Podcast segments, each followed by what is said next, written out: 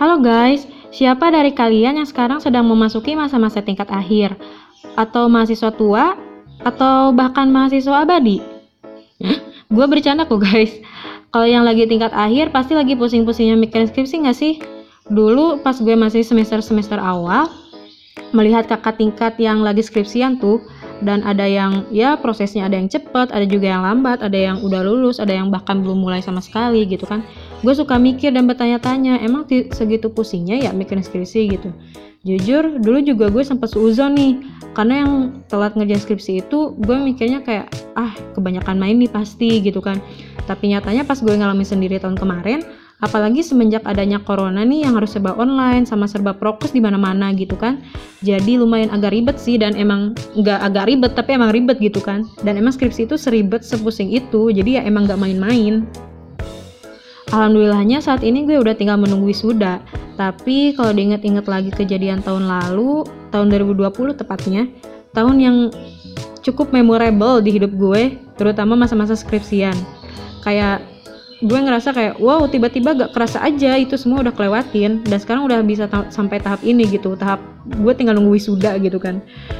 Emang banyak banget sih rintangannya dan pastinya rintangan itu datang dari berbagai sisi baik itu dari diri sendiri atau lingkungan sekitar mulai dari dosbing keluarga atau teman-teman yang udah pada lulus duluan misalnya. Problematika mahasiswa tingkat akhir yang gue temuin juga bahkan yang gue pernah alami sendiri nih dulu dalam menghadapi skripsi apalagi sebelum ambil data tuh macem-macem. Kayak gue contohnya dulu gue sempat ke pending ambil data penelitian gara-gara keburu lockdown gara-gara si corona ini. Terus dosen pembimbing gue juga pada saat itu masih kurang merespon karena mungkin beliau juga e, disibukkan dengan berbagai kegiatan ya.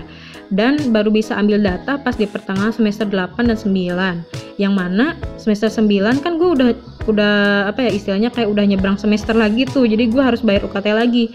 Selain itu, ada juga yang masih mikirin topik, baru nyusun proposal, baru mulai ambil data padahal udah mau lebih dari 4 tahun. Kayak gue contohnya nih ya, padahal kan kayak 4 tahun tuh kalau kata orang-orang mah eh, tepat waktunya harus lulus gitu ya.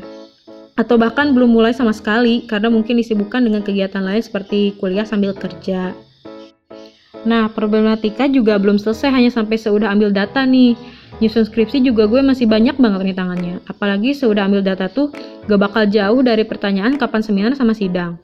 Uh, dulu juga pas pali, pas gue balik ke Bogor karena gue lagi sensitif gitu kan kalau ditanya masalah skripsi sampai-sampai gue gak mau dulu ketemu sama teman-teman gue jadi gue tuh dulu pas skripsian tuh memang bener-bener sensitif banget lah ditanya sedikit ini kayak dikit-dikit nyolot gitu gue masih inget gitu ya. Dan pikir-pikir lagi kayak kenapa gue gitu ya gitu dari dulu? Terus sampai-sampai juga dulu harus diajakin bahkan dijemput ke kosan buat bisa ikut gabung sama kumpul sama main gitu karena dulu gue mikirnya kenapa gue gak mau ikut takut ditanya skripsi yang mana takutnya ntar gue malah marah-marah gak jelas karena kesel ditanyain gitu kan jadi kan teman-teman angkatan gue tuh punya satu basecamp gitu namanya RB atau rumah bawean. Nah basecamp itu sering dipakai buat kumpul-kumpul apalagi yang mau seminar sama sidang. Tapi lama kelamaan juga gue jadi mikir nih kalau gue ngerjain sendiri terus di kosan dan gak gabung gitu gak minta bantuan ke teman-teman takutnya malah gak berkembang dan gak selesai-selesai kan. Ya udahlah gue mulai membuka diri buat bisa ikut kumpul-kumpul lagi di base camp. Ngerjain skripsi juga lebih sering di base camp. Yang pada nyatanya semenjak gue sering kumpul nih ternyata skripsi gue cepet beres karena banyak kebantuin meski banyak juga yang lebih sering tanya-tanya uh, Mei kapan seminar, Mei kapan sidang? gitu. Tapi karena ya gue udah mulai terbiasa dengan pertanyaan itu, jadi ya ya udah biasa aja. Membuka diri buat bisa berinteraksi juga tidak semudah yang diceritain sih sebenarnya ini. Singkat cerita lagi nih ya, akhirnya gue udah udah bisa seminar hasil. Bah, seminar hasil. Tapi sehabisnya sehabisnya seminar itu kan biasanya ada revisi. Ya seperti biasa, ada aja masalah gitu kan ada aja rintangan ada aja hambatan gitu biasalah gue yang mageran terus ya karena uh, satu dan lain hal juga lah ya. Akhirnya jarak dari seminar ke sidang akhir itu dua bulan. Padahal dos gue udah baik nih beliau pengen gue cepet sidang. Pas jadi pas habis seminar itu beliau bilang semoga cepet sidang ya gitu. Pokoknya segera revisian gitu. Tapi ya gara-gara gue mageran terus ya ada beberapa hal lain yang uh, jadi hambatan gitu. Jadi jarak gue dari seminar ke sidang tuh dua bulan. Padahal uh, itu pokoknya gue tuh lumayan lama gitu lah dibanding teman-teman gue yang rata-rata jaraknya itu cuma seminggu doang dari seminar ke sidang tuh. Tapi ya tiap orang kan punya waktunya masing-masing ya gak sih? Uh, prosesnya. Jadi kayak yang ada yang langsung uh, gercep lah gitu uh, ngerjain biar cepet beres. Ada yang misalnya pengen mager-mageran dulu karena emang kayak butuh inspirasi gitu kan. Nah akhirnya dua bulan kemudian gue bisa sidang nih. Dan akhirnya juga gue dapet gelar esud unofficially tentunya ya karena belum wisuda nah barulah habis sidang mulai urus-urus SKL sama buat wisuda juga. Terus tantangan lainnya yang berasal dari diri gue sendiri itu tadi yang udah gue sebutin tuh di atas uh, mageran. Karena gue tipe yang harus ngabisin mager dulu nih. Nanti lama kelamaan bakal keusik sendiri kalau wah gue gak bisa gini-gini aja nih. Misalnya lihat teman-teman yang lain wah kok teman-teman udah pada cepet seminar gitu udah pada nyusul. Jadi waktu pas gue udah seminar ini gue kan sempat nganggur ya. Dari seminar ke sidang tuh lumayan lama. Nah teman-teman gue yang seminarnya uh, kan gue duluan nih. Terus yang seminarnya pada di bawah gue maksudnya di bawah gue tuh kayak pokoknya gue dulu duluan terus teman-teman gue gitu. Nah seminar uh, teman-teman gue yang pada ini tuh duluan gitu sidangnya kan gue jadi kayak terpacu gitu kan. Wah gue harus cepet-cepet sidang nih nanti kesusul lagi bisa-bisa kesusul lagi gitu kan.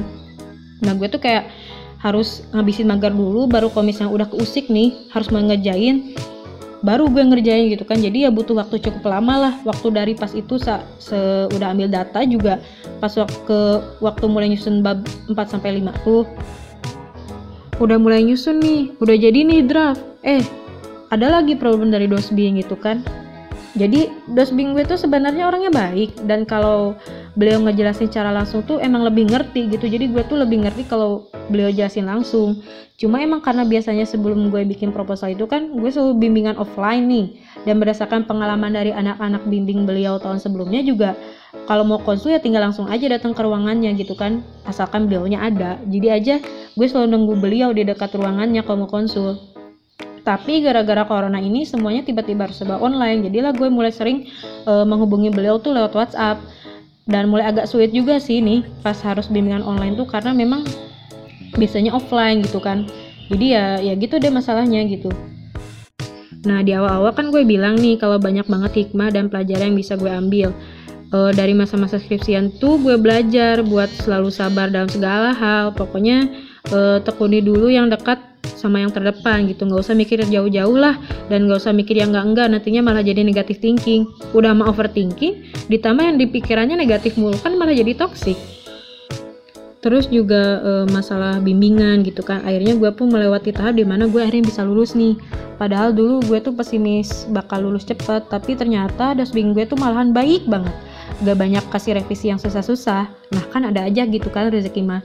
Meski memang harus gue yang ngejar-ngejar tapi karena ngejar-ngejar itulah gitu alhamdulillah akhirnya bimbingan gue pun sama dosbing secara online uh, lama kelamaan jadi lancar gitu sampai akhirnya gue bisa sidang Nah, buat kalian yang sekarang masih berjuang sama skripsinya, jangan sampai kalian ngebanding diriin ngebanding diri uh, kalian sama teman-teman yang udah pada lulus ya atau bahkan yang udah pada kerja karena tiap orang tuh punya waktunya masing-masing.